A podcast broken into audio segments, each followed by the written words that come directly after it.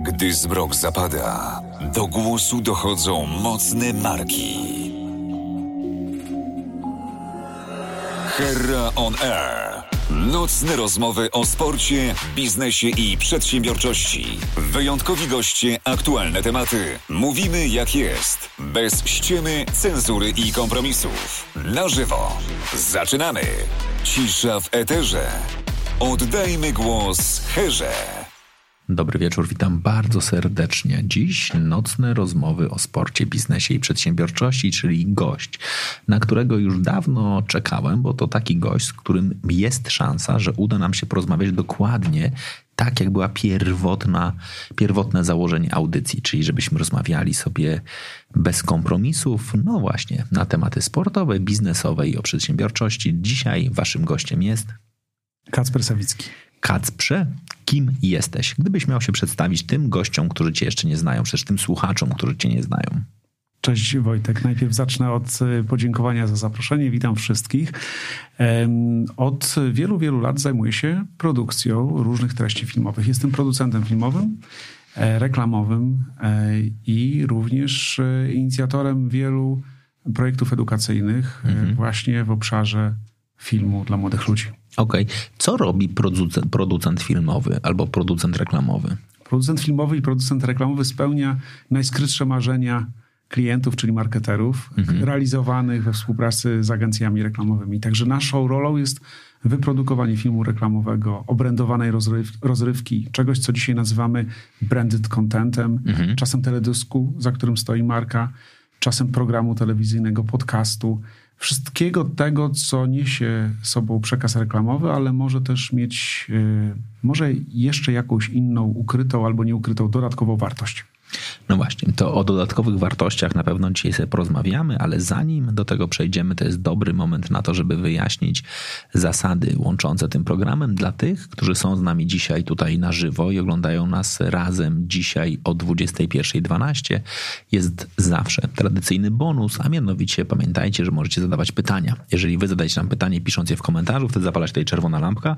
Czerwona lampka nam sygnalizuje tutaj, że jest pytanie, wtedy ja czytam to pytanie gościowi i Kacper może na te pytania odpowiadać, więc zachęcam Was do współtworzenia tej audycji poprzez zadawanie ciekawych pytań. Liczę na Waszą pomoc po to, żebyście również pomogli mi znaleźć no, ciekawostki w życiorysie i w doświadczeniach Kacpra. A skoro mowa o życiorysie, to możemy pewnie zacząć od samego początku, czyli no właśnie, jak to się zaczęło?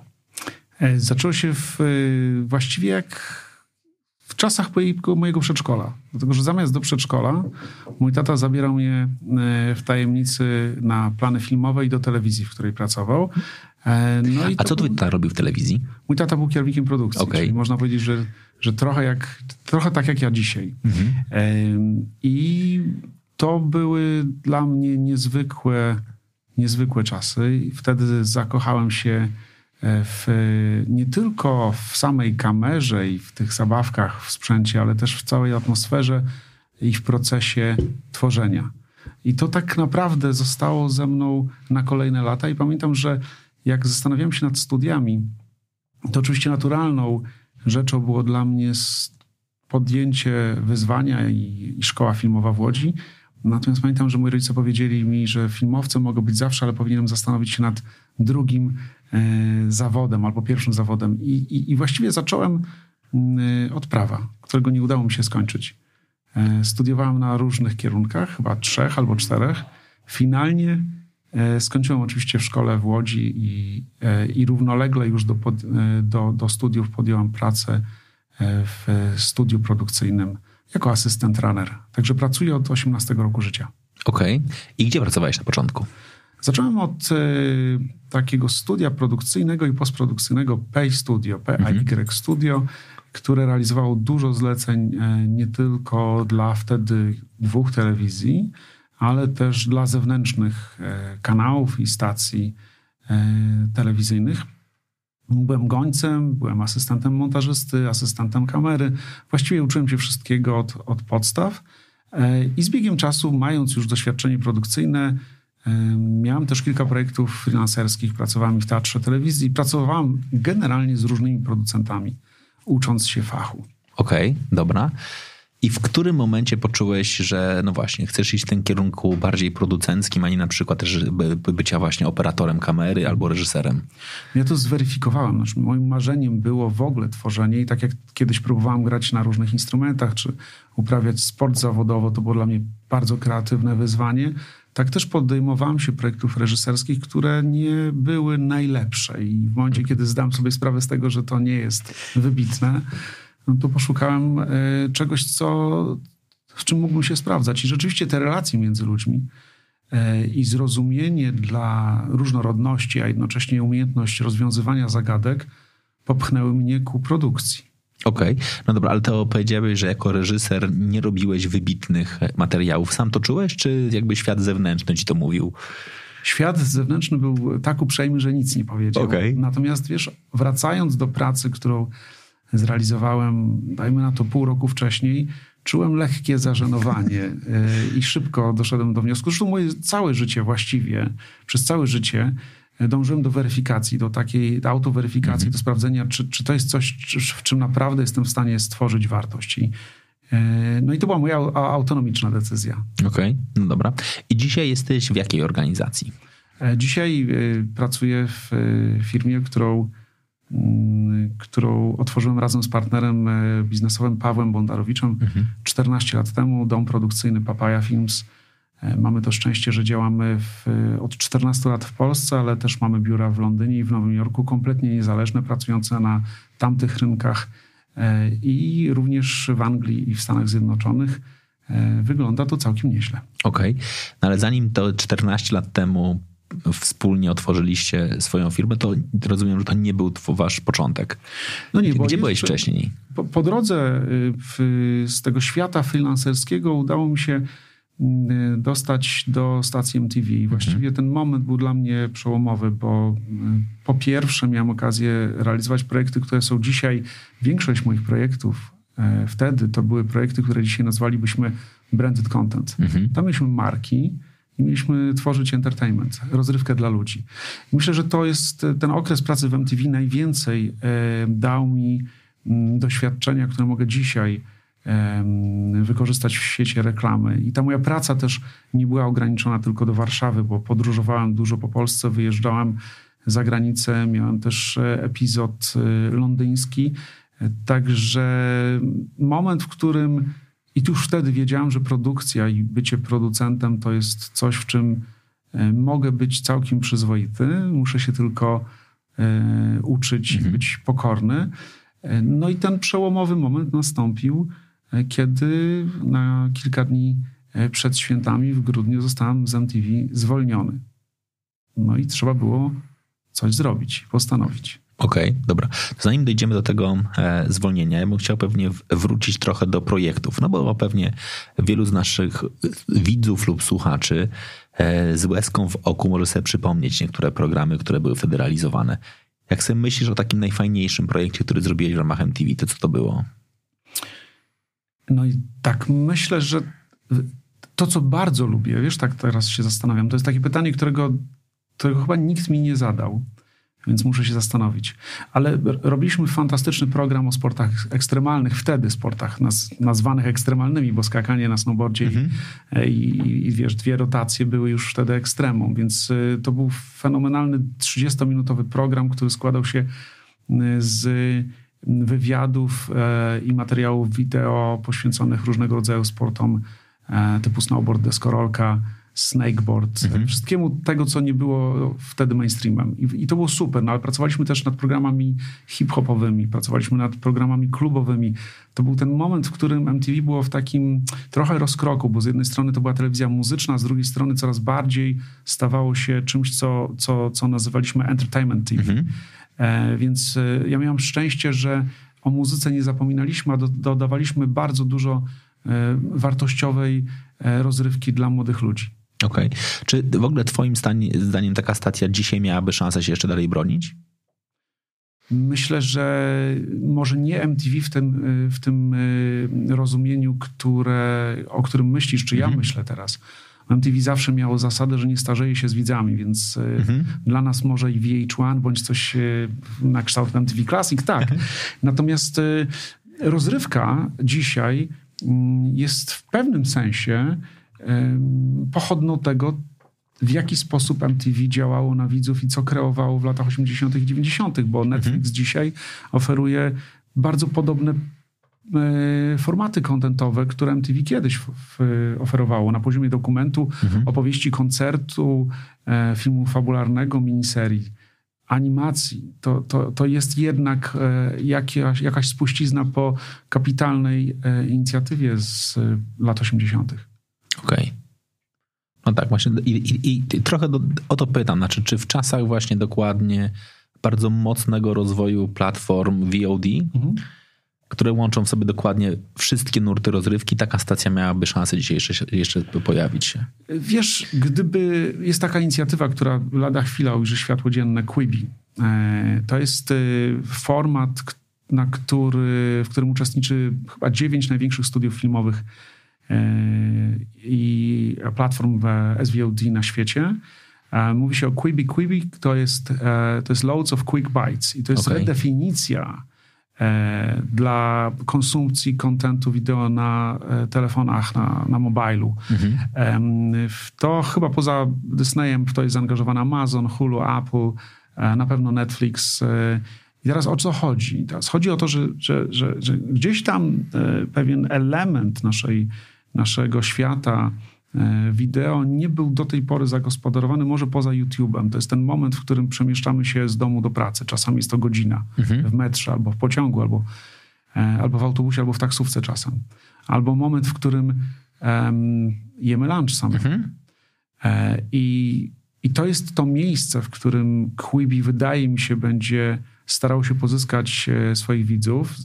To, co jeszcze pojawia się w komunikatach Quibi. To jest bardzo ciekawa e, historia, bo Quibi ma pracować nad reformatowaniem e, forma, filmów, seriali, które zostały już stworzone, które mają być robione konkretnie pod mobile, zarówno w formacie wertykalnym, jak i horyzontalnym. Okay. Także gdyby Quibi dzisiaj nazywało się MTV, to tak, mhm. jak najbardziej. Mhm. I tam mamy również wielość różnych formatów. Zdaje się, że w kwietniu 2020, czyli za chwilę ma być premiera. Okej, okay. no to pięknie. No i mam, mówisz, 14 lat temu przed y, świętami? Tak, to był 22 grudnia, dobrze pamiętam. Ojej, to nieładnie dosyć. Ale myślę, że zupełnie zrozumiała decyzja moich szefów, z którymi do dzisiaj jestem w kontakcie. E, I być może coś, y, co, no nie być może, na pewno coś, co miało wpływ na to, co wydarzyło się dalej, także jestem wdzięczny. Okej, okay, dobra. Który to był rok? Cholera, nie pamiętam. Dobra. Ale wydaje mi się, że to był 2005. Okej. Okay. Albo 20, nie, nie, 14 lat mam. E, strasznie zły jestem w datach. Szósty, szósty, szósty, szósty tak, piąty, jak, jak, jakby się to tego nie powiedział. No dobra. 22 grudnia dowiadujesz się, że no dobra, odchodzisz i w, w którym momencie podejmujesz decyzję w takim razie, nie szukam dalej, tylko otwieram coś swojego? 22 grudnia, w momencie, w którym oddałem swoje, swoje wizytówki i kartę do biura. Naprawdę? Tak. Ale ty wcześniej już myślałeś, miałeś taki pomysł, czy to... Znaczy nie mówię, że wiesz, że wcześniej może jak tydzień, tak. ty, jak tydzień wcześniej miałeś ten pomysł, bo już ktoś ci burknął, że być może tak będzie, to mnie to nie interesuje. To, chodzi mi bardziej, że nie wiem, czy przez ostatni rok przed odejściem planowałeś, że kiedyś będziesz miał swoje coś własnego. Wiesz co, równolegle do pracy w MTV e, myśmy otworzyli takie miłe mini studio, które realizowało e, produkcje teledyskowe, więc coś okay. już było, natomiast to nie była papaja. Ja właściwie ja nie wiem, to nie był proces, wiesz, wiele decyzji, które podjąłem w życiu, były, to były decyzje intuicyjne. Ja nie, nie liczyłem, wiesz, plusów i minusów w każdej sytuacji. Wyszedłem, oddałem wizytówki, oddałem kartę i pomyślałem, pomyślałem sobie, kurde, ja mam 5 stycznia do zapłacenia ratę za kredyt mieszkaniowy. I powiedziałem, pierwszy otwieram firmę. Okej. Okay. I, I, poszło. I, i, I 6 stycznia mieliśmy akt notarialny podpisany. Wow. A zresztą w chwilę później, 8 stycznia, dostaliśmy pierwszą realizację do wykonania. Także Możesz powiedzieć od kogo? Od firmy, której jestem dozgodnie za to wdzięczny, czyli od Nike. Okej, okay. dlaczego tobie zaufali? Myśmy się znali jeszcze z czasów MTV, bo kiedy zajmowałem się obrędowaną rozrywką w czasach MTV, realizowaliśmy dwa albo trzy formaty dla Nike. Mhm. Pojawił się format y, nowy, który był dedykowany już nie do MTV, tylko do TVN, o ile dobrze pamiętam. To była seria eventów, którą trzeba było wyprodukować, a z tych eventów powstawał y, program telewizyjny. No i to było jakieś zaufanie budowane przez parę ładnych lat przez, przeze mnie w relacji z Nike'em. Zadzwonił do mnie ówczesny menedżer i powiedział, czy jestem w stanie to zrobić. Ja powiedziałem, oczywiście. Ale dobra, i to jest ciekawe, bo to jest pytanie, jak dostałeś ten telefon i odpowiedziałeś rzeczywiście, to miałeś w sobie głębokie przekonanie, że to oczywiście jest takie just like that? Czy, czy, że... Ja nie miałem zielonego pojęcia, za co się zabieram. Okej. Okay. Nie, nie, po prostu on, to była rozmowa, Krzysiek powiedział, słuchaj, yy, potrafisz, nie, robiłeś kiedy, nie, potrafisz zrobić eventy? Ja powiedziałem, pewnie. Ale nie zadałem pytania, czy kiedyś robiłem eventy. Okay. A możesz zrobić z tego program telewizyjny? Ja mówię, no Krzysiek, ja się tym zajmuję od lat. No to już. Okej. Okay. I poszło. Tak. Udało się? Tak, udało się.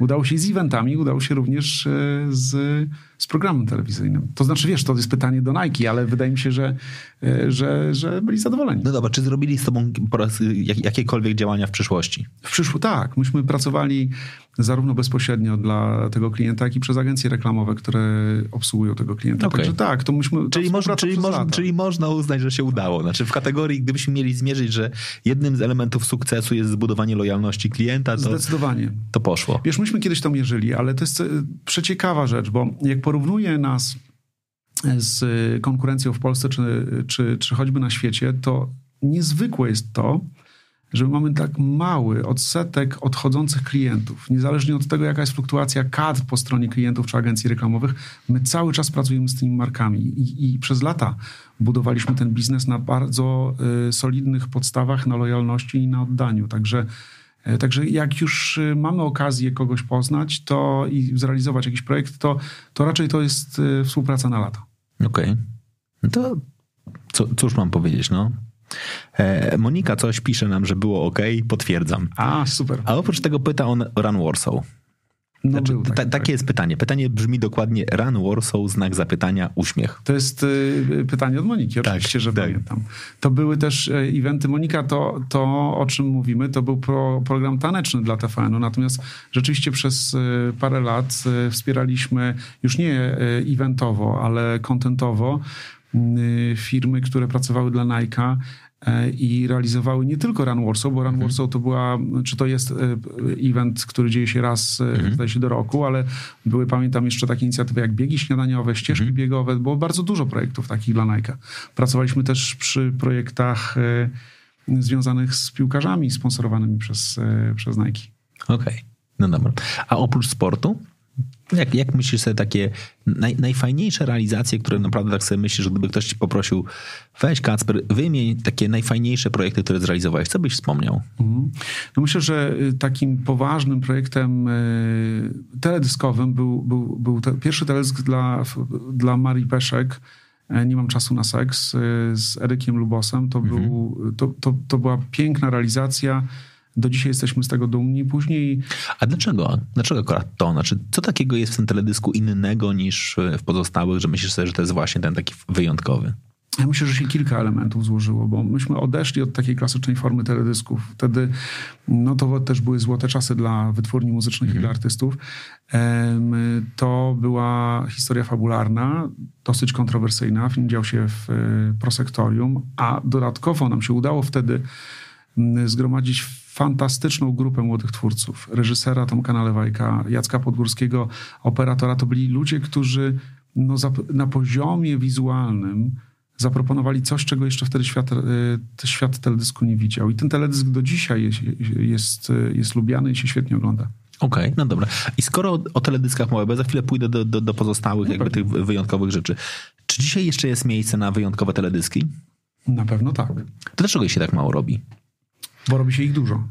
Czyli jak robi się okay. ich dużo, to mało się widzi y, rzeczy wybitnych. Natomiast y, myślę, że y, może wyzwaniem jest to, że rynek zmienił się tak bardzo, że budżety przekazywane na realizację teledysku są po prostu mniejsze. I nie można się oszukiwać. No można zrobić coś za 10 i za 5, mhm. ale za 5 nigdy nie będzie tak samo jak za 10. Okay. E, to jest pierwszy problem. Drugi problem to, są, to jest tak, że dzisiaj branża teledyskowa w dużej mierze przypomina branżę marketingową. No też jednak mówimy o sprzedaży artysty, produktu, płyty, mhm. serii koncertów. E, I tu nie tylko w Polsce, y, wkrada się zachowawczość po stronie osób zamawiających, czyli jednak mniej ryzykujemy. Okay. Artyści mają trochę mniejszą swobodę. No ale też y, są, to nie jest tak, że to jest reguła, no bo jeśli spojrzymy na teledysk, który mieliśmy okazję zrealizować całkiem niedawno, czyli trofera, trofea dla Dawida Podsiadło, no to to jest rzecz, która jest też y, unikatowa na rynku polskim i zarówno Dawid Podsiadło, jak i Sokół y, mhm. mają to szczęście, że pracują w, z fantastycznym managementem i, i, i, jest trochę inaczej. Mi się wydaje, że dzisiaj to, z czego sobie nie zdajemy sprawy, to jest to, że przy takiej nadprodukcji kontentu wideo naprawdę yy, trzeba zastanowić się, jak kreować unikalne dla kategorii treści jak wyróżnić się. No mamy miliony materiałów wideo, które się pojawiają w sieci co chwila. Mamy serię filmów na Vimeo, która wygląda dokładnie tak samo. I dzisiaj ten pomysł jest szalenie istotny. Odwaga jest jednym z elementów, na który trzeba zwrócić uwagę. Okej, okay, no dobra. To zanim przejdziemy do tego jeszcze, jak robić, bo o tym chciałbym na pewno dużo z Tobą porozmawiać, to gdybyś wspomniał jeszcze takie pozostałe swoje, te najbardziej takie, które Ci zapadły w pamięć mhm. produkcje. No, e, mieliśmy taki przełomowy projekt dla HBO Go, który zrealizował Gustav Johansson, w tej chwili numer jeden na świecie. I to było niezwykłe, bo Gustav przyjechał do nas jako 26-letni, początkujący reżyser ze swoim chyba trochę młodszym bratem, operatorem. Ale co znaczy przyjechał do was? To znaczy myśmy mieli takie, to, to zlecenie w ogóle to, było, to była hybryda, klient z Ameryki i z y, centrala chyba HBO wtedy z, na Węgrzech. Film miał mieć emisję na wielu rynkach e, i pamiętam, że e, kreacja która była odpowiedzialna za, za, za, za ten projekt, no strasznie nas wymęczyła, jeśli chodzi o reżysera. To był taki, taki, oni tak naprawdę szukali, szukali jakiegoś ideału i mm, sam proces znalezienia odpowiednich osób trwał tygodnie, jeśli nie miesiące.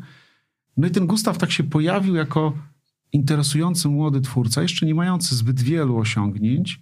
No i zrobił dzisiaj film, zrobił wtedy film, który dzisiaj może być spokojnie, a to było parę ładnych lat temu, jeszcze to było 8 lat temu, który może być dzisiaj reklamą HBO w dalszym ciągu. No, Gustawa znamy między innymi z filmów e, reklamowych dla Volvo, tych słynnych filmów promujących najnowsze modele XC90 czy XC60. E, pracuje z Nike, z H&M i z innymi markami, także to, to był film, który i sposób, w jaki pracował e, Gustaw Niklas. Wiesz, to jest drugi raz, kiedy nawiązuje do młodych twórców, prawda? No. I w przypadku Nalewajka i Podgórskiego i teraz Niklasa i Gustawa jest coś takiego, że, że ta cała nasza praca i realizacje, które przez tyle lat y, się toczą, tak bardzo są powiązane z tymi talentami, które gdzieś pojawiają się, y, wiesz, w naszych okolicach. Także uwielbiam ten projekt. No dobra. To w takim razie, żebyśmy sobie nie odkładali zbyt daleko w tej rozmowie myślenia o nowych talentach. Wy organizujecie konkursy? Tak. Jakie?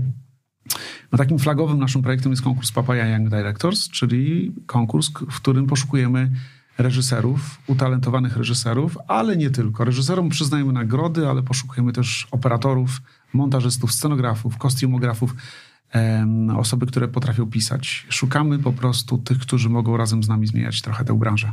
Od kiedy ten, ten, ten, ten konkurs jest na rynku? No, czeka nas właśnie, a właściwie nie czeka, tylko właśnie dzieje się siódma edycja.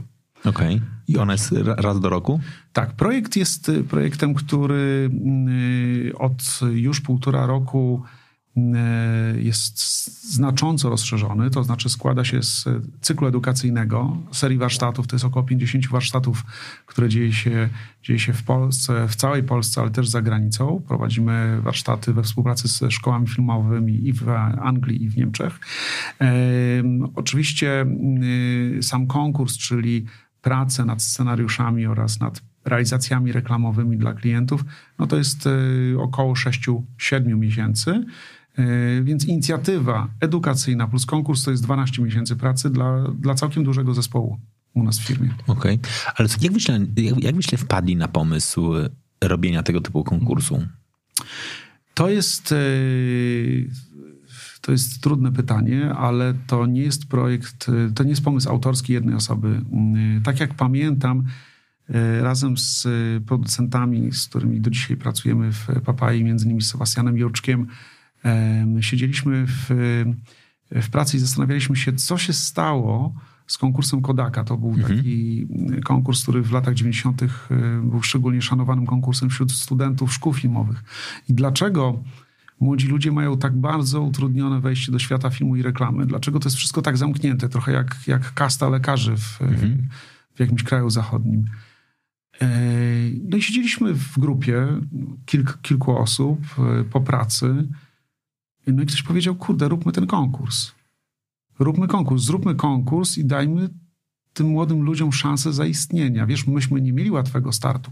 Oczywiście ja czerpałem z kontaktów, które przez lata wyrabiałem sobie, czy w poprzednich firmach, czy w MTV. Natomiast branża reklamowa mhm. w rozumieniu bardzo takim precyzyjnym nie przyjęła nas z otwartymi rękami. Wiesz, po latach, kiedy stopniowo to uznanie zdobywaliśmy, myśmy sobie pomyśleli, że to jest podobna sytuacja z młodymi twórcami. Że, że jest tak, że trzeba stworzyć im szansę. Nie tylko zrobić konkurs y, po to, żeby móc go promować, promować siebie, tylko realnie stworzyć możliwość y, tym młodym ludziom zaistnienia. Okej. Okay. To na czym polega konkurs? Konkurs polega na napisaniu eksplikacji reżyserskiej. Można to Y, zinterpretować jako scenariusz mhm. na, zadane, za, na zadanie, które jest e, przedstawione w postaci briefu, a ten brief tworzy, e, tworzą nasi strategzy, czy też współpracująca z nami firma strategiczna CPC e, wraz z klientami, czyli z marketerami, którzy nasz konkurs sponsorują. Okej. Okay. I w ramach tego konkursu młodzi ludzie tworzą reklamy, spoty, prawdziwych brandów, czy... Tak, okay. tak. To jest pierwsza część, bo oczywiście najpierw mhm. trzeba napisać scenariusz. Później trzeba, my weryfikujemy twórców, sprawdzamy, czy naprawdę wiedzą, co chcą zrobić. No i w tej najważniejszej fazie wybieramy twórców, którzy dostają od nas budżet, mhm. zaplecze produkcyjne, wsparcie pod każdym względem e, i realizują filmy reklamowe dla istniejących marek. Co roku te marki staramy się, żeby były różne. Są z nami marki, które są od lat i bardzo cenimy i dziękujemy za, za, za wsparcie. I zresztą zaangażowanie tych marek, co jest bardzo ważne, nie kończy się na sponsorowaniu tego konkursu, ale marki są również zaangażowane w, we współpracę z tymi twórcami później na, na, na dalszym etapie, szczególnie z tymi najbardziej utalentowanymi. Okej. Okay.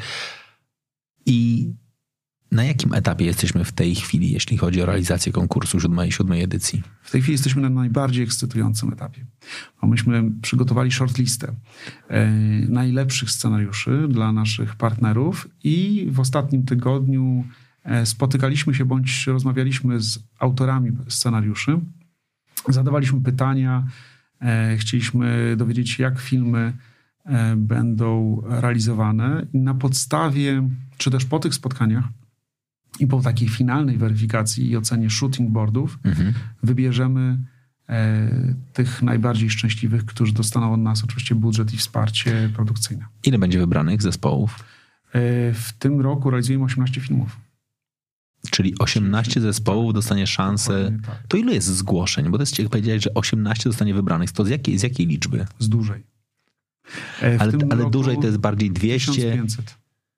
W tym roku mieliśmy w okolicach 1500 zgłoszeń, z czego 20% to były zgłoszenia e, z, spoza granic Polski, z Wielkiej Brytanii, ze Stanów Zjednoczonych, z Niemiec, z Hiszpanii, z Ukrainy i z różnych innych miejsc mniej popularnych, jak na przykład z Singapuru. Czekaj, 1500 zgłoszeń. 1500 zgłoszeń to jest Papaya Young Directors. Jak wy definiujecie słowo young w takim razie? Bo to jest taki, taki może tu jest jakiś taki kruczek, który może mi odpowiedzieć na pytanie, no. dlaczego, dlaczego young jest 1500 osób? Znaczy zespołów, to się, że osób jest znacznie więcej. Tak, to znaczy y, my kierujemy do produkcji te filmy, które są zgłoszone przez reżyserów, bądź też przez e, zespoły, ale to są na ogół dwie osoby. Mhm. Young to znaczy nie, nie, nie, nie dalej niż 35. Naprawdę? Tak. To jest tyle osób poniżej 35 roku życia, który, który myśli o i ma pomysł na to, żeby się. Skąd oni się biorą? Bo to jest ciekawe. Mhm. Y, coraz mniej jest przypadkowych ludzi. Okay. No, zdarzały nam się oczywiście osoby, które napisały pierwszy swój scenariusz i pierwszy raz weszły na plan i zresztą zrealizowały bardzo interesujące filmy. Natomiast w dużej mierze to są studenci szkół filmowych i szkół, i szkół artystycznych, w tym chociażby ASP No to ponieważ co czwarty dzisiaj zgłoszony scenariusz pochodzi z zagranicy, a nasza aktywność w okay. szkołach filmowych za granicą jest też e, duża, no to mamy studentów z czterech czy pięciu londyńskich szkół, czy również ze szkół filmowych niemieckich. Ale też bardzo, mocni, bardzo mocne zgłoszenia przyszły do nas z Ukrainy w tym roku. Naprawdę? Mhm. Okej, okay, dobra. I co się w takim razie dostaną te osoby? Później będą prezentowane. Co, co, się co się dzieje z filmami, które są, e, że tak powiem, wygrywają albo są nominowane? Mhm. E, no nam zależy na tym, żeby za, za, za, zadziało się jak najwięcej z tymi filmami. I mm, te filmy mm, sponsorzy mogą wykorzystać w swojej komunikacji w mediach społecznościowych. Natomiast zdarzały się przypadki, kiedy nasi partnerzy rozszerzali prawa i pokazywali te filmy na przykład na eventach albo w kinach. One nie są częścią takiej tradycyjnej komunikacji reklamowej, dlatego że w ogóle dla nas ten konkurs to, jest, to nie jest kopia tego, co widzimy w telewizji. Mhm. To jest jednak coś, co powiedziałem coś takiego ważnego, że my szukamy unikalnych i, i wyróżnialnych dla marek filmów i to jest jednak coś, co jest robione przez młodych ludzi. Także tu trzeba się liczyć z ryzykiem, że to nawet będzie ryzykowne mhm. dla marki. Natomiast marki y, wykorzystują to na przykład w taki sposób, że, że pojawia się plansza w kinie, na przykład Decathlon, dumnym sponsorem e, konkursu Papa Young Directors. Zobaczcie film, który w tym roku wygrał. Mhm. I to jest w ten sposób e, wykorzystywany przez marki. Nie jest tak, że te filmy stają się częścią komunikacji, można zobaczyć je w telewizji, no bo wielokrotnie są to rzeczy odważne i, i, i być może nadające się właśnie do, do komunikacji w mediach społecznościowych mhm. z trochę innym e, widzem. Ale i tak, e, jak czasami sobie przeglądam te filmy, które e, są filmami konkursowymi, które chodzą po E, mediach społecznościowych, to czasem tak się uśmiecham, czasami nawet się bardzo uśmiecham do moich kolegów marketerów. Czasami nawet jest jeden profesor e, marketingu, który często zamieszcza firmy konkursowe i mówi, tak się robi reklamy z perspektywy tej marki. Ja zawsze mówię sobie, no Marku, fajnie, że myślisz, że to jest, że to jest spod tej marki, nie, to jest spod konkursowy no i, i, i, ten, ale, ale myślę, że dużo osób faktycznie nie widzi tej subtelnej różnicy, mhm. szczególnie wtedy, kiedy sobie myślimy, wow, to jest taka, odwa- to jest dokładnie odważna, ciekawie zrobiona produkcja i później powiesz na takie myślenie, to dlaczego w tradycyjnej kampanii już nie ma takich odważnych spotów? No i to jest pytanie do ciebie. Dlaczego tak jest, że dokładnie widzimy spoty, które pojawiają się w konkursach? Mało tego, no właśnie, to, to, to, od razu pewnie wyjaśnimy, kto jest w jury. Jury ocenia te spoty jako atrakcyjne, wartościowe, przyznaje im nagrody, a później w finalnych realizacjach idziemy mniej odważnie. To pytanie, kto jest w jury, a później dokładnie to, to, to pytanie, dlaczego w konkursie sobie pozwalamy na odwagę, wybieramy to, nagradzamy, ale później w, w rzeczywistości tego nie korzystamy. Wiesz, y, y, jurorami są uczestnicy naszej branży reklamowej, czyli te same osoby, które tworzą mhm. regularne kampanie reklamowe dla marek. Mhm. Ja myślę, że y, różnica między konkursem a tradycyjną komunikacją i oczywiście mogę być w błędzie, bo ja jestem producentem, nie jestem ani strategiem, ani marketerem. Jest taka, że, że jednak dzisiaj reklama jest wypadkową wielu elementów. Czasem badań, czasem jakiejś strategii komunikacji, która została wypracowana. Robi się oczywiście kampanię wbrew wynikom mhm. badań, e, jest adresowana do jakiejś konkretnej grupy. I to, co się robi w ramach konkursu, tego czy innych konkursów e, w Europie, no to jest tak. Oczywiście to jest inicjatywa pełna ryzyka i zakładamy, że będziemy tą treścią komunikować się z młodymi, odważnymi ludźmi, prawda? Natomiast no, myślę, że nie jest to całe spektrum potencjalnych konsumentów czy, czy klientów danej, dan, danej marki. Także myślę, że jest to oczywiście pewna zachowawczość, o której mówiłem wcześniej, ze strony marketerów, którzy mają, każdy z nas ma jakiegoś szefa, prawda, mhm. E, nad sobą i którzy muszą e, przede wszystkim skupiać się na efektywności biznesu. E, efektywność nie zawsze łączy się z kreatywnością. Mhm. Jak, jak teraz o tym mówić, to mi się z tyłu głowy pojawiło takie myślenie, że to jest trochę jak z projektantami mody. Znaczy, jak patrzymy, co wypuszczają na wybieg, mhm a co później wypuszczają do salonów, mhm. to, to, to jest pewna subtelna różnica i jednakże ta kreacja pokazowa, w której wychodzi modelka jest oczywiście bardzo odważna, ona wzbudza dużo kontrowersji, po czym jak widzimy kolekcję wiosenną tego samego projektanta, to ona w sklepie już jest zupełnie inna. Podobnie wygląda kwestia projektowania samochodów tak. i koncept kary. Aha, dokładnie tak. Tak, ale ja myślę, że też staram się zawsze wnieść odrobinę pozytywnego, pozytywnych emocji, jeśli chodzi o reklamę i w Polsce i na świecie. To nie jest tak, że jesteśmy y, zanudzani, jest źle i E, odwołuje się do, do przykładów wybitnych kampanii, które miały miejsce tutaj w ostatnich latach i, i zdarzają się cały czas. Myślę, że jest taki, takie miejsce w, w branży naszej reklamowej, jak po prostu kształtowanie trendów i, i, i, i opinii. I wydaje mi się, że, że, że im więcej jest ludzi wybitnych, multidyscyplinarnych w reklamie, którzy widzą świat szerzej niż tylko cyfry, tym lepiej będzie nam się pracowało i tym ciekawsze rzeczy będziemy generować. Okej. Okay. To czym dla ciebie jest dobra reklama? No to jest tak trudne pytanie.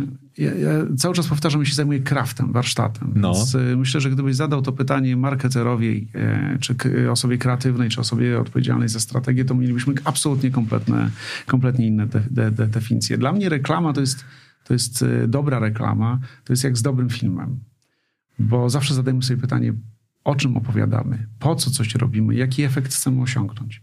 I dobra reklama ma tą samą strukturę, e, którą ma film fabularny. Mówimy o podziale, mhm. podziale na akty, prawda? E, ja lubię filmy e, reklamowe, obok których nie przechodzę obojętny, które opowiadają historię, które mnie wciągają. Mm, pamiętam, że to już w telewizji, w MTV e, moi szefowie mówili mi o tym, że ludzie oglądają nas dlatego, że chcą obejrzeć emocje innych ludzi, albo przejrzeć siebie, albo przejrzeć kogoś innego. Czyli mówi, mówiliśmy wtedy o zaangażowaniu. I, I lubię takie filmy. To może być film, który jest zupełnie śmieszny. To może być coś, co jest e, wzruszające. Nie lubię w reklamie kłamstwa. Wiesz, wydaje mi się, że mm, tak sobie myślę, że, że reklama ma to szczęście, może się narażę teraz komuś, ale w pr jest trochę więcej naginania rzeczywistości, że reklama jednak nie może oszukiwać i kłamać. Natomiast y, wiesz, jest coś takiego, że czasami um, czujesz fałsz, czujesz mhm. nieszczerość. To jest coś, co mnie, co mnie denerwuje. No. Ale nie ma nic y, y, przyjemniejszego niż oglądanie fantastycznych reklam dla piwa żubr na przykład. No, pamiętamy stare reklamy piwa tyskie. E, lubimy dziadka ale Mhm. Jest wiele takich przykładów dookoła, i, a całkiem niedawno na Dzień Kobiet e, zachwycaliśmy się jajami OLX, prawda? No, to prawda. Wiesz, Także okay. to jest miejsce na to, jest miejsce na to. Może trochę więcej odwagi, może trochę więcej potrzeba nam dystansu do siebie, trochę więcej pieniędzy też by się przydało. I a czy widz jeszcze widzi reklamę? Znaczy pytam wprost, czy z twojej perspektywy jest ślepota reklamowa, czy, czy, czy nie ma? No, no jest. Znaczy inaczej, nie, nie ma. Widz widzi reklamę, jeżeli inaczej, źle ci odpowiedziałem. Słuchaj, reklama jest wszędzie. Mhm. I to jest też często taki element, o, który, e, o którym zapominamy. No, ja powtarzam to do znudzenia.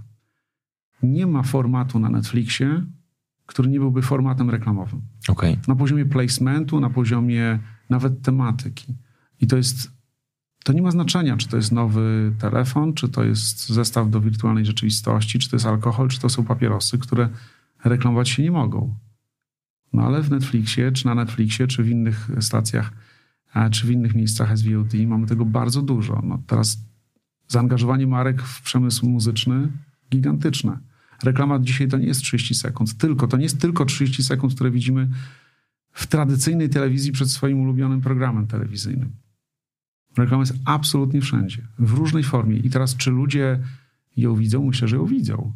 Może mniej na poziomie placementów na, w kanałach y, y, typu Netflix, ale na pewno nie są na to obojętni, no bo jednak reklama pomaga sprzedawać.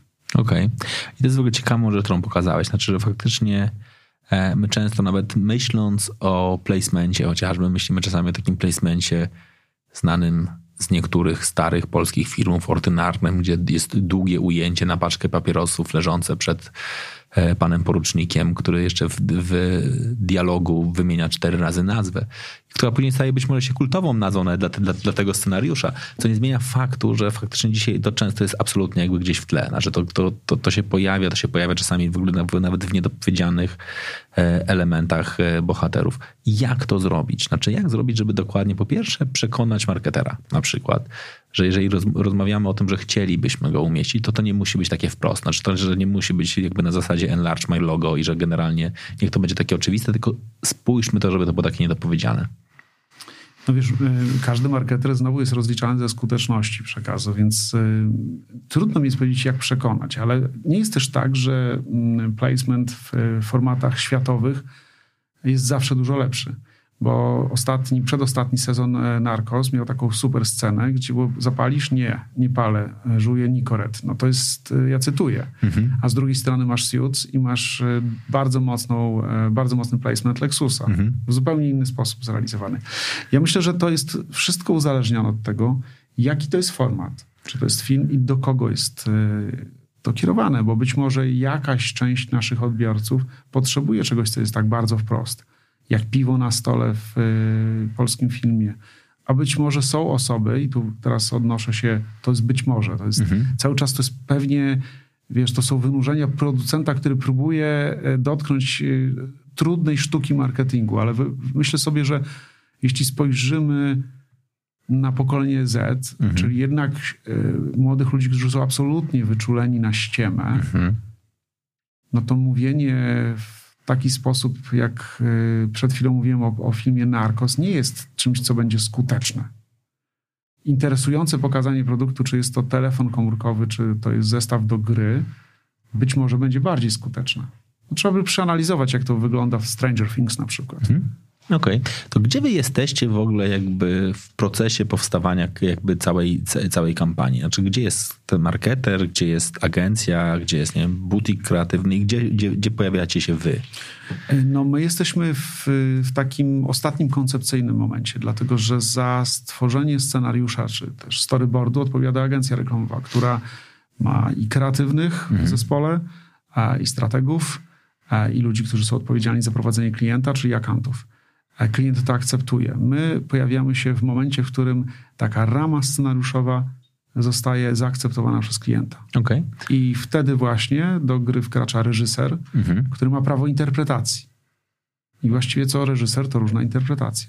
Ale reżyser jest po waszej stronie, po czy stronie. po stronie agencji? Po naszej stronie. Reżyser okay. jest zawsze związany z domem produkcyjnym. U nas to jest w ogóle sytuacja jeszcze bardziej, e, jak na polski rynek, e, dalej posunięta, dlatego że my reprezentujemy reżyserów pracujemy z nim blisko. Studia produkcyjne tak funkcjonują na świecie. W Polsce jest trochę inaczej. W Polsce studia produkcyjne wolą pracować z freelancerami. Mhm. Nasz model zawsze był oparty na talentach e, i reżyserzy są wewnątrz Papai przez nas reprezentowani. Okej, okay, czyli jeżeli jako agencja przychodzę do was, to jeszcze wy na przykład mi możecie zarekomendować, nie wiem, kilku reżyserów tak. i sobie, ja jeżeli znam oczywiście ich, to sobie wybieram tego, którego znam, który mi pasuje, ale Wow. No y, tak, możemy zarekomendować Ci kilku reżyserów. E, my jesteśmy w tym procesie partnerem, mhm. czyli jednak, jednak wszyscy, i agencja reklamowa, i klient, i my mamy bardzo zbliżony cel. Mhm. E, no bo każdy z nas y, chce zrobić projekt, który jest wybitny merytorycznie, artystycznie, który będzie działał, czyli będzie efektywny, a jednocześnie każdy z nas ma, ma za zadanie w sposób mądry wydać te pieniądze i zarobić. Także naszym, e, nasi producenci kreatywni rekomendują konkretnych reżyserów i wierzą, że te właśnie osoby dadzą wszystko to, co jest potrzebne. E, ale też zdarzają się sytuacje, w których agencje reklamowe albo klienci, czy też agencje razem z klientami, bo to jest mhm. nierozerwalne, e, przychodzą do nas ze względu na, na to, że chcą pracować z Papają i z bardzo konkretnym reżyserem, którego reprezentujemy. Okej, okay. no dobra. Wy robicie również czasami kampanie społeczne. Robimy ich bardzo dużo. Dlaczego? E, wiesz co, dlatego, że mamy głębokie przekonanie, że jest e, taka, że ta aktywność jest, jest po prostu potrzebna. I my nie realizujemy kampanii społecznych po to, żeby zrobić coś za mniejsze pieniądze. Mhm. Tylko dla nas istotne w wyborze tematu jest to, żeby szukać tematów, które, są, które łączą które są niezagospodarowane i w których mamy realną szansę na, na zmianę. Czyli daleko jest nam w ogóle do jakichkolwiek relacji y, z, z kampaniami, które są jakkolwiek politycznie zabarwione. Takie, które są jeszcze robione na tezę. Takie, które są na jakieś zamówienie. Raczej interesują nas tematy wspólne dla każdego człowieka i takie, które nie polegają na przekonywaniu przekonanych, a na, dają nam realną szansę zmiany zachowań. No takim tematem może być dzisiaj aktywizacja seniorów. Mhm. Bardzo ważna w tym, w, tym, w tym kraju. E, to jest dla nas ważne I wiesz, to, to nie jest tak, że my w ten sposób leczymy swoje sumienie, albo reklama jest od tego, żeby. My jesteśmy od tego, żeby zapewnić świetną sprzedaż produktom, w które najlepiej jeszcze jak, jak, jak wierzymy i tak, i tak działamy.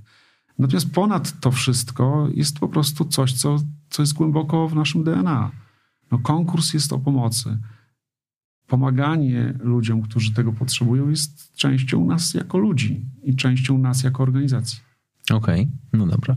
To wy z tej produkcji lokalnej w Polsce wyszliście w produkcję międzynarodową. To nie jest naturalne, szczególnie w tej branży. Znaczy, jak sobie patrzę na to, że ok, jest dużo agencji sieciowych, ale one z reguły nie są polskie i to nie jest tak, że z Polski wyrosły między, międzynarodowo, tylko częściej mamy biura w Polsce, a wy jednakże zrobiliście to. Znaczy ten taki, nazwijmy to American Dream jest zrealizowany.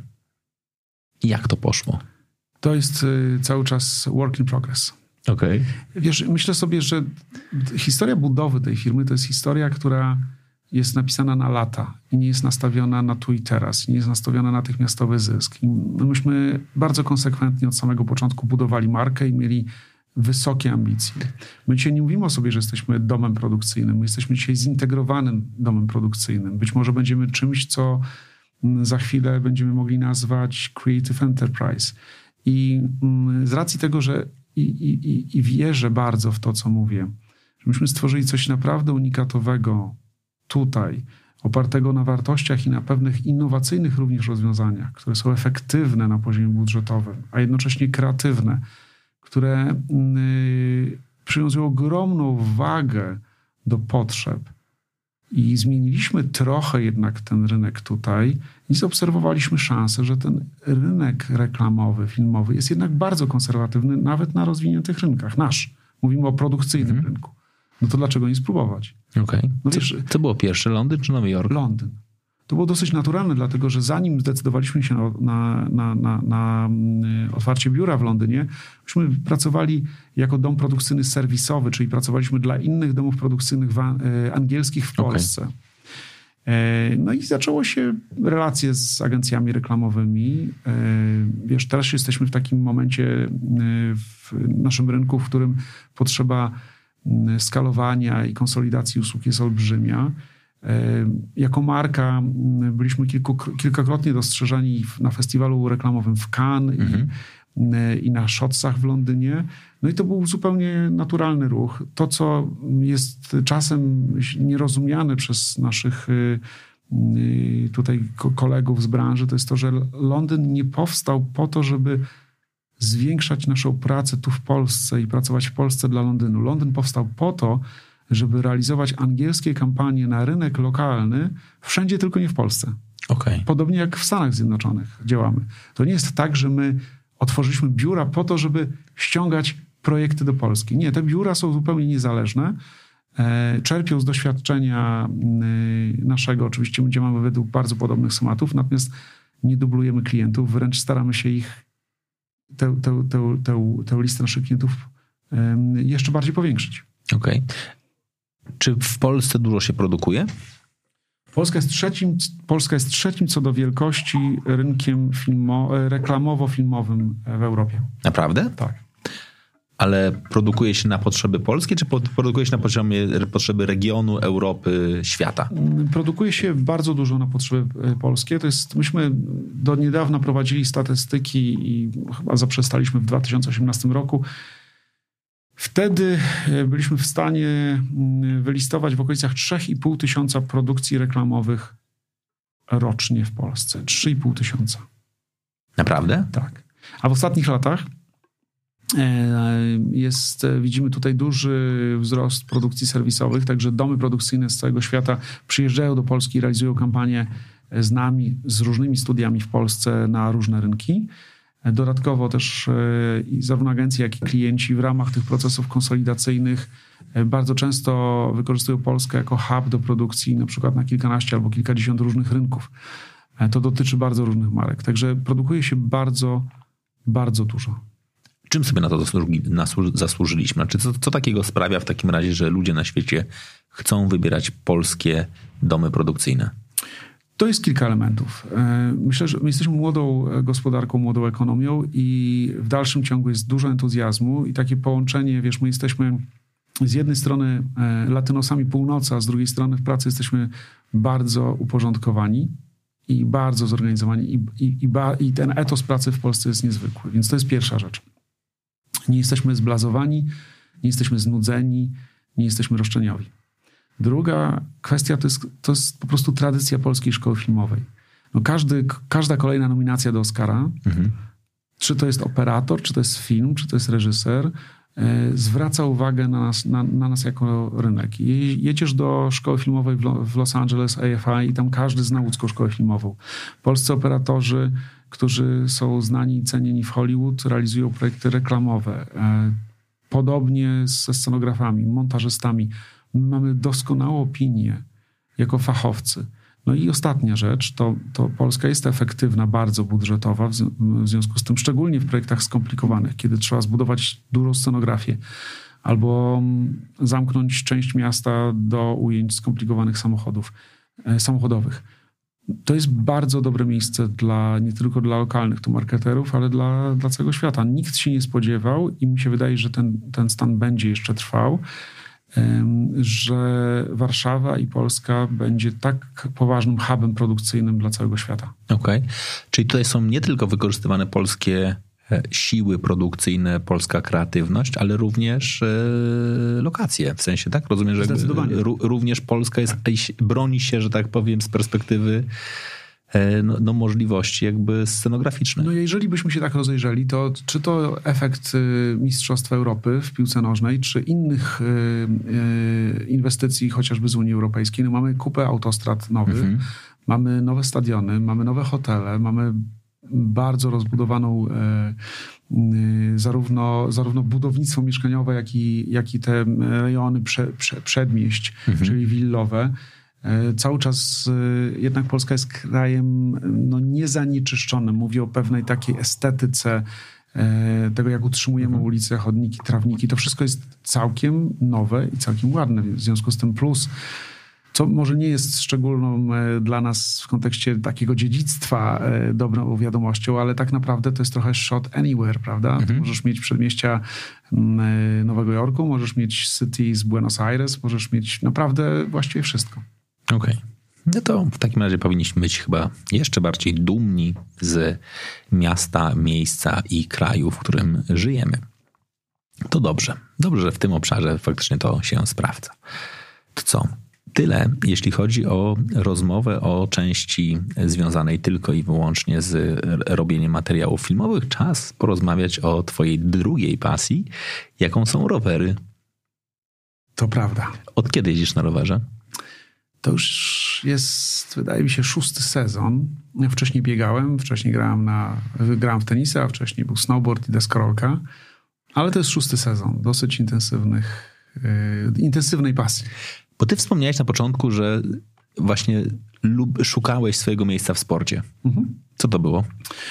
No, zacząłem od deskorolki. Później był snowboard. E, ten snowboard, myślę, że coś by z tego było, gdyby nie wypadek, który, który mnie spotkał. Dosyć poważny upadek. E, wypadek i upadek. E, z, ze skały wylądowałem na koronie drzewa i, i myślę, że to jest taki moment, w którym przestałem bardzo tak, tak ryzykować i tak odważnie jeździć. No, musiałeś jechać odważnie, skoro ze skały wylądowałeś na koronie drzewa. Znaczy, to... to było połączenie głupoty i, i pewnego błędu w podczytaniu mapy. Okej. Okay. E, Ale coś ci się stało poważnego? Czy... Złamałem wszystkie żebra z przodu okay. i z tyłu i właściwie tyle. Do, do dzisiaj y, spotykam się z... Y, trafiam na ludzi, którzy leżeli w szpitalu, w którym ja miałem okazję leżeć w, w Austrii i ta historia jest w dalszym ciągu niezrozumiała dla, dla nikogo. Jak można zlecieć 50 metrów po skałach, wylądować na koronie drzewa i mieć parę żeber złamanych tylko i wyłącznie. Miałem dużo szczęścia. Okej. Okay. E, był snowboard. Mm, no ten snowboard się skończył w 2002 roku dla mnie. Później było, było trochę tenisa, ale to też było, to była taka weryfikacja umiejętności, wiesz, e, czy, czy mogę być e, naprawdę dobry i w pewnym momencie po przebiegnięciu wielu, wielu tysięcy kilometrów i pierwszych problemach z kręgosłupami, z kolanami, pomyślałem, że to jest czas na, na mniej inwazyjny sport i na rower. I tak zaczęła się, tak zaczęła się pasja rowerowa. Od czterech lat, prawie chyba już od pięciu lat nie mam samochodu, jeżdżę rowerem. Po Warszawie? Po Warszawie, tak. Tak się przemieszczam po Warszawie, a, mm, a dodatkowo też jeżdżę na szosowym rowerze. Okej. Okay. Jak to jak się jeździ rozsądnemu człowiekowi e, po Warszawie na co dzień? Jeździ się bardzo dobrze, pod warunkiem, że jeździ się na ostrym kole, które e, zaczęliśmy tę rozmowę trochę przed, e, przed naszym spotkaniem, przed oficjalnym naszym Aha. spotkaniem. Wiesz co, jest, lubię też to powtarzać, że to, co łączy kulturę ostrego koła z produkcją, to są dwa elementy. Co to jest ostre koło? Znaczy, zanim wejdziemy dalej, to pewnie dobrze byłoby, żeby, okay. bo może nie wszyscy, którzy nas słuchają i oglądają, wiedzą, czym jest ostre koło. To jest y, taka charakterystyka roweru polegająca na tym, że nie ma się wolno biegu, czyli trzeba cały czas pedałować i y, na ogół nie ma się również hamulców. To znaczy można mieć hamulec bezpieczeństwa. Jeździ się bez hamulców. Okej, okay. ale no właśnie, czyli hamuje się po prostu zwolnia, zwalniając? Zwalniając, tak. Okej. Okay. No i teraz to, co jest... To... Co, co daje w takim razie ostre koło? Wiesz co, to jest chyba niezrozumiałe dla, dla, dla, dla, dla normalnego człowieka. Ale jest, taka, jest takie fenomenalne uczucie, które masz, będąc zespojony z rowerem w ten sposób. To, co mi daje, to daje mi umiejętność przewidywania, mhm. bo nie masz hamulców. To nie jest tak, że ktoś ci wyjedzie, zahamujesz. To jest tak, że musisz myśleć cały czas, mieć głowę dookoła, przewidywać, co się wydarzy, a jeżeli coś się wydarzy, to musisz po prostu machać kierownicą i szybko pedałować. Okay. I to jest dokładnie to, co jest w produkcji. Czyli? Musisz wiedzieć i przewidywać. Okay. Musisz mieć głowę dookoła. To jest dokładnie to, co mam w biznesie, wiesz? Musisz przewidywać, musisz mieć głowę dookoła. A jak coś się dzieje złego, to po prostu szybciej kręcisz pedałami i bardziej machasz kierownicą. Okay. Tu nie ma zatrzymywania się. I udaje się. No tak. Dobra. Co, Kto co... używa hamulców, nigdzie nie dojedzie. To jest taka bardzo prosta zasada. Jest to cytat zresztą ze znanego kolarza włoskiego. Okej. Okay. No. Ile jeździsz na rowerze w takim razie? Kilometrów w ciągu roku? Tak czasami zdarza mi się. Jeżdżę po mieście, więc tak wydaje mi się, że w ciągu dnia jednego to jest w okolicach 30-40 kilometrów po mieście, czyli razy 5, a weekendami zdarzają mi się dłuższe wypady, także no jest to kilka tysięcy kilometrów. Mhm. Jak reagują klienci, jak przyjeżdża do nich na rowerze? I już właściwie się tym, temu nie dziwią. Natomiast, bo to już jest taka... Tak, tak wszyscy już wiedzą, wiedzą. wszyscy wiedzą. No, wszyscy, wszyscy wiedzą. do końca wiadomo, ale on jeździ na rowerze. Ka Kacper przyjedzie na rowerze, okej, okay, ale, ale dzisiaj pada, no trudno, no to przyjedzie Będzie mokry. Trochę mokry, no. Będzie musiał się przebrać, jak wejdzie na spotkanie. E, teraz już zupełnie, zupełnie normalnie. To znaczy, wiesz, to, to, to ma... To z tym rowerem to jest tak, że to jest trochę sport, ale to jest też praktyka, no bo szybciej się poruszam po mieście na rowerze. To jest pierwsza sprawa. Druga, to jest zdrowie. E, trzecia, no troszkę minimalnie mniejszy ślad węglowy zostawiam po sobie. To też jest dla mnie ważne. Więc jak się to wszystko połączy, to nie wyglądam na jakiegoś, wiesz, no nie wychodzę na jakiegoś kompletnego świra. Natomiast rzeczywiście być może ktoś wyobrażałby sobie mnie w jakimś komfortowym samochodzie e, przyjeżdżającym na spotkanie. W zupełności starcza mi rower i jestem z tego absolutnie zadowolony. Zresztą też, wiesz, w ramach tych naszych działań w firmie to jest bardzo fajne i to jest być może dla menedżerów jakiś taki sygnał, że, że jednak ten, ten przykład wychodzi od góry i widzę na przestrzeni lat, y, ile osób y, w Papai przesiadło się z samochodu na rower. Naprawdę? Szczególnie tak, szczególnie latem. No zimą to już trzeba mieć nie do końca, mhm. kiedy pada śnieg, ale, ale, ale to widzę. No, jest wiele rowerów w firmie i, i ludzie jeżdżą. Ale to nie jest też tak, że każesz im mówisz, dzień dobry, chciałem się, chcieliśmy zatrudnić, jesteśmy gotowi na, że podpisać umowę o czy pracę. Pani, czy pani jeździ na rowerze? Czy, czy pani jeździ na rowerze? Wiesz, to bardzo to, to bardzo dobrze. Nie, wiesz, y, kilka lat temu yy, wprowadziliśmy taki program tak zwanych dopłat do wynagrodzenia za przejechanie tam 370 km w miesiącu, yy, żeby zachęcić. Nie przypominam sobie, może wypłaciliśmy to raz czy dwa razy, ja też nie oczekiwałem raportów i mhm. sprawozdań. Być może kilka razy zdarzyło się, że osoby, które te pieniądze wzięły, przekazały je na jakieś szczytne cele. To był jakiś taki element po prostu, który nastąpił zupełnie naturalnie. Okay. To wiesz, no po co płacić za parkometr? No jeżeli możesz przyjechać rowerem, nie szukać miejsca do parkowania, to super. No dobra. Bardzo rzadko. Czasami pożyczam, pożyczam samochód od swojej narzeczonej i, i wtedy na ogół się irytuję, że, że jadę samochodem i muszę go gdzieś zaparkować. To jest skomplikowana sytuacja. A jak relacja ty, czy też rowerzysta versus y, samochody? Czy ty czujesz się bezpieczny na, na, na, polskich drogach? Tak. Ja się czuję bezpiecznie i wydaje mi się, że kultura się zmienia. E, jest coraz większa uwaga e, kierowców. Oczywiście zdarzają się różne przypadki, natomiast wiesz, to jest to, co jest właśnie w kulturze fiksowej, czyli ostrego koła. Ten obowiązek, tą świadomość przewidywania, to, to nie jest tak, że jedziesz w słuchawkach i zapominasz i ktoś ci wyjeżdża albo ktoś ci wychodzi. No musisz o tym myśleć. E, I wiesz, no, Warszawa ma kapitalnie rozbudowaną, e, rozbudowany system ścieżek rowerowych. Czasami one są niebezpieczne, e, ale też jeżdżąc normalnie po ulicach, naprawdę no, to już jest parę lat. I przy zachowaniu z rozsądku i, i, i takiej chłodnej głowy można, można komfortowo i bezpiecznie się poruszać. Wiesz, mam doświadczenie też z jazdy na rowerze po Londynie. Nie polecam Nowy Jork jest bardzo fajny, jeśli chodzi o jazdę na rowerze, głównie dlatego, że tam ruch to jest maksimum 30 km na godzinę, tam się stoi w korku, więc y, fajnie się jeździ między samochodami. Okej. Okay. Jak lecisz do Nowego Jorku, zabierasz swój rower? Większość podróży zabieram swój rower, ale w zależności od tego, gdzie, gdzie lecę, to wtedy albo zabieram ze sobą szosę, albo właśnie ostre koło. Ale naprawdę jest tak, że lecisz w podróż e, służbową i masz walizkę z rowerem? No jeżeli jadę na tydzień... Zakładam, że jedziesz na ty tydzień tak, dłużej, nie, nie tak, tam, że lecisz na dwa tak. dni i wracasz, ale... E, słuchaj, rozmontowanie i zmontowanie roweru to jest około 10-15 minut. Mhm. To znaczy na każdą z tych czynności. To nie jest problem. Wiesz, no, no nie ma lepszego sposobu jeszcze dodatkowo na poznanie miasta. To prawda. To jest fenomenalna sprawa. A jak reagują partnerzy, jak przylatujesz do Nowego Jorku? Mówisz, cześć, no tutaj przy, przyleciałem, tutaj wiecie... Jest Lepiej niż jest, jak przyjeżdżam na deskorolce. a na deskorolce też Też miałem kilka takich spotkań w Nowym Jorku, że przyjeżdżam na deskorolce i oni się naprawdę wtedy już dziwili. Czy to jest ten gościu, czy to jest jakiś ktoś, kogo podstawili nam. Nie, wiesz... Yy, Oczywiście. Y, A jeździsz dalej na deskorolce? W sensie jakby, nie wiem, w Warszawie? Okazjonalnie się odpycham, ale to naprawdę okazjonalnie. Ale nie wiem, pojechanie do parku cię jeszcze kręci, czy już nie? Nie, nie, to już, to już, y, to już jest poza moimi zdolnościami, umiejętnościami. A kiedy byłeś ostatnio na Sparku? Ja, wiesz co, parę lat temu. Nie, chociaż nie, przepraszam. Za trzy lata temu byłem za granicą, w, w, jeździłem, próbowałem jeździć, ale to było żenujące. Odpychać tak, jak y, czasem wyskakuję na kawę, to to wtedy, wiesz, no, mamy biuro na Powiślu, więc, e, więc tam się bardzo przyjemnie jeździ na deskorolce.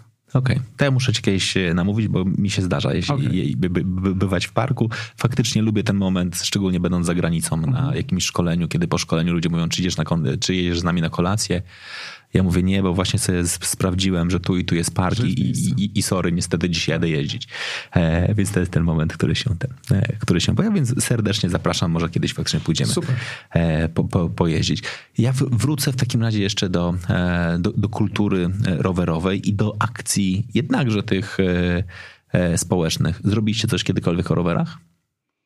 Wiesz co, mamy w, no, jeśli chodzi o kwestie społeczne, to w ubiegłym roku y, robiliśmy rajd po Warszawie nocny, y, który, na którym zbieraliśmy pieniądze na jeden z y, charytatywnych celów. Mhm. E, w tej chwili w, do cyklu festiwalowego wchodzi film dokumentalny Tragiczni w reżyserii Janka Stompora. To jest film, który dotyczy kultury właśnie fiksowej, Ostrego Koła, opowiada o grupie wrocławskiej.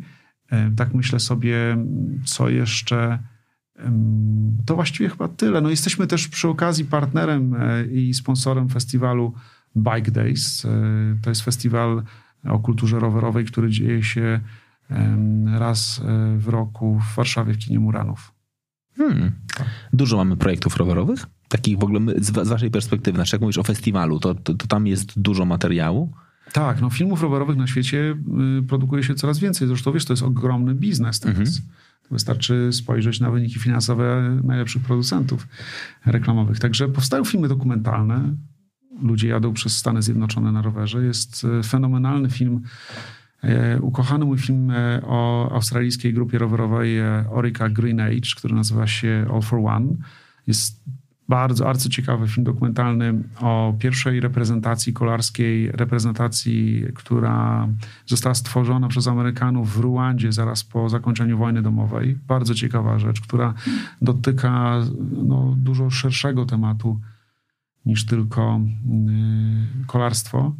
Jest, y, jest też y, oczywiście mnóstwo filmów poświęconych wybitnym i mniej wybitnym, może tragicznym postaciom kolarstwa od Lance Armstronga czy Marco Pantaniego. Także jest tego bardzo dużo. Jest bardzo dużo. I oczywiście kupa filmów o kulturze y, kurierskiej, no bo to jest taka nowa deskorolka dzisiaj. Mhm. E, czyli właśnie kontrkulturze o trochę ludziach, którzy chcą być albo czują się wykluczeni w różnych miejscach od filmów, e, które dzieją się na Łotwie, po filmy e, chociażby z amerykańskiego Portland. Także jest sporo tych filmów. Okej, okay. no dobra. Jeżeli macie jakieś pytania, to jest to też dobry moment na to, żebyście pamiętali, że możecie je zadawać pisząc. Zbigniew pisze nam ciekawy temat. Kacper to fajny gość. Pozdrawiam serdecznie. Zbigniew Turliński. E, Pozdrawiam również Zbigniewa. Jeżeli ktoś jeszcze ma jakieś e, kilka dodatkowych pytań, możemy sobie je tutaj e, zrealizować. Co, co, rekomendujesz młodym ludziom, którzy startują w ścieżce produkcyjnej, czy też jakby w, w, w myśleniu w ogóle o produkcji filmowej? No, rekomenduję, czy zawsze staram się doradzać odwagę, determinację. No i to nie jest moment, w którym należy czekać, aż ktoś do nas przyjdzie. To jest y, taki moment, w którym trzeba po prostu przestać gadać i zacząć działać. Co znaczy przestać działać i zacząć gadać? To znaczy przestać znaczy, gadać, gadać zacząć działać, tak? Wiesz, 20 y, lat temu, jeśli chciałeś zostać reżyserem, filmowcem, to szanse były niewielkie. Dlaczego? Mhm. Dlatego, że była bariera technologiczna. Trzeba było mieć kontakt do kogoś, kto wypożyczy nam kamerę. Nie daj Boże, żeby to jeszcze była kamera, wiesz, filmowa na taśmę. To taśmy trzeba kupić, później wywołać, przetransferować. Skomplikowana historia. No dzisiaj mamy yy, telefony komórkowe, mamy mhm. bardzo tanie kamery, mamy programy montażowe. Czyli nie ma bariery technologicznej. Czyli to jest trochę tak, że jeżeli chcesz być filmowcem, reżyserem, producentem, to po prostu szukaj pomysłów albo je pisz i realizuj. Bo e, to, czego dzisiaj brakuje, to oczywiście brakuje unikalnych, brakuje oryginalnych pomysłów, tych, tej wielkiej idei, tego czegoś, co nas tak bardzo pociągnie i zaangażuje. Mamy dużo filmów, które są impresyjne, mhm. które są do siebie podobne. Ale to nie zmienia faktu, że trzeba próbować. I często mówię, zachęcam do tego, żeby realizować projekty, w których młodzi twórcy czują się dobrze. To jest nie robić czegoś wbrew sobie. Zacząć od teledysku, zacząć od krótkiej formy. To może być film krótkometrażowy zamknięty w czterech minutach na dwóch aktorów. To może być właśnie reklama społeczna. Może być coś, co nie zostało do tej pory dotknięte. Dopiero później myśleć o formacie 90-minutowym albo o wielkich, skomplikowanych reklamach. Ale wydaje mi się, że klucz to jest po prostu nieustanna próba i nie czekanie, tylko aktywność, aktywność. Ważne jest oczywiście też, żeby mieć kumpli dookoła, którzy mogą pomóc. Czyli nie siedzieć w domu, mhm. tylko wyjść, poznać i zestawić i spróbować stworzyć jakąś grupę, bo film to jest jednak praca zespołowa. No i też taka rzecz, która jest szalenie istotna, że żeby, żeby jednak radzić się i żeby konfrontować swoje pomysły, bo artyści są często tak bardzo przywiązani, skupieni na tym swoim pomyśle, że stworzą coś, co jest tylko i wyłącznie dla nich, a, a ta umiejętność przyjęcia krytyki jest też kluczowa i myślę, że każdy wielki, wybitny twórca filmowy, reklamowy, każdy aktor jest e, tym lepszy, im bardziej słucha szczerych i czasem krytycznych opinii. Okej. Okay. A gdzie się uczyć? Wszędzie. Wszędzie. Wiesz, no, dla mnie inspiracją jest, y, jeżeli buduję, myślę o client serwisie w firmie, no to client serwisem może być wizyta w kawiarni, gdzie e, interesująca osoba e, przygotowuje fantastyczną kawę, a jednocześnie ucina sobie ze mną genialną pogawędkę. No więc dzisiaj wydaje mi się, że nauka polega nie tylko na oglądaniu filmów czy reklam, czytaniu, konsumpcji sztuki po prostu, w wystawach, e, zrozumieniu kontekstów. To nie jest kwestia tylko teraźniejszości, bo wiesz, film jest też oparty na historii i na zrozumieniu Wydaje mi się, że też pewnym wyzwaniem jest to, żeby nie kopiować, więc jeżeli nie chcemy kopiować, to trzeba oglądać. E, ale no, najwybitniejsi filmowcy często e, pochodzili z zupełnie różnych środowisk, mieli różne, różne korzenie i wydaje mi się, że różnorodność w ogóle jest dzisiaj kluczem do sukcesu w tworzeniu. Mhm. Ale można myśleć, czy twoim zdaniem można być filmowcem właśnie bez formalnego wykształcenia filmowego? Bez absolutnie żadnych wątpliwości. To jest tak, że wykształcenie filmowe, szkoły filmowe są genialne, dlatego że one pozwalają młodym ludziom przeżyć coś, co jest mm, w żaden sposób nie do powtórzenia, jeżeli zaczynasz karierę mając 18 lat i próbujesz reżyserować. To jest kwestia wspólnoty, wymiany zdań, wspólnego oglądania właśnie filmów, e, imprez, które do czegoś prowadzą, a jednocześnie do przyjęcia w jakiejś w miarę przystępnej formie odrobiny teorii i być może skonfrontowania się z tym, że ci ludzie, którzy nas uczą, nie są fajni albo, nie są, albo są trochę już przestarzali, mówiąc mhm. brzydko. To, to jest po coś wszystko. Są oczywiście wybitne szkoły, które uczą warsztatu i które uczą fachu, ale myślę, że to połączone z praktyką i z taką determinacją, która mm, jednak polega na tym, wiesz, bardzo ważne jest to, żeby sobie jasno powiedzieć, chcę być reżyserem i zrobię wszystko, żeby być wybitnym reżyserem zastanowić, sobie, e, zastanowić się, co jeszcze możesz zrobić. Niekoniecznie e, to jest kwestia uczenia się, nie wiem, parzenia kawy. Mhm. Być może dodatkowa książka przeczytana albo e, studia związane z designem czy architekturą są w stanie ci pomóc. I to jest dobry moment na to, żeby w takim razie tutaj postawić być może kropkę i powiedzieć sobie, jeżeli o czymś naprawdę bardzo marzysz, na przykład tym, żeby zostać reżyserem, to szukaj swojej drogi. Nie chodzi tylko o to, żeby marzenie, ale przestań marzyć, zacznij działać i rób, konsultuj to ze swoimi kolegami, nie zamykaj się tylko na siebie, tylko po prostu w grupie poszukuj rozwiązania. Waszym gościem dzisiaj był Kacper Sawicki. Bardzo Ci dziękuję. Dziękuję bardzo. Było mi, było mi, bardzo miło. A Was teraz zachęcam do tego, że jeżeli oglądaliście nas na żywo, pamiętajcie, to jest ten moment, kiedy możecie sobie kliknąć w przyciski emocji po to, żeby one pojawiły się na ekranie. Ja lubię ten moment, kiedy emocje e, pojawiają się na ekranie, a to pomaga trochę oszukać algorytmy po to, żeby ten przekaz wideo do, dotarł do jak największej liczby osób. A jeżeli oglądacie to na YouTubie, pamiętajcie, subskrypcja obok dzwoneczek. A jeżeli byliście razem z nami na podcastach, na Spotify, na e, iTunesie lub gdziekolwiek indziej. Pamiętajcie również o tym, żeby subskrybować odcinek i również ocenić go, dając informację zwrotną, która jest bardzo ważnym elementem rozwojowym, czyli kliknijcie w gwiazdki po to, żebyśmy my wiedzieli, jak Wam się podobało. Za dzisiaj bardzo serdecznie dziękuję i zapraszam do kolejnego odcinka Hera on Air. Raz jeszcze dziękuję. Dziękuję bardzo. Dzięki.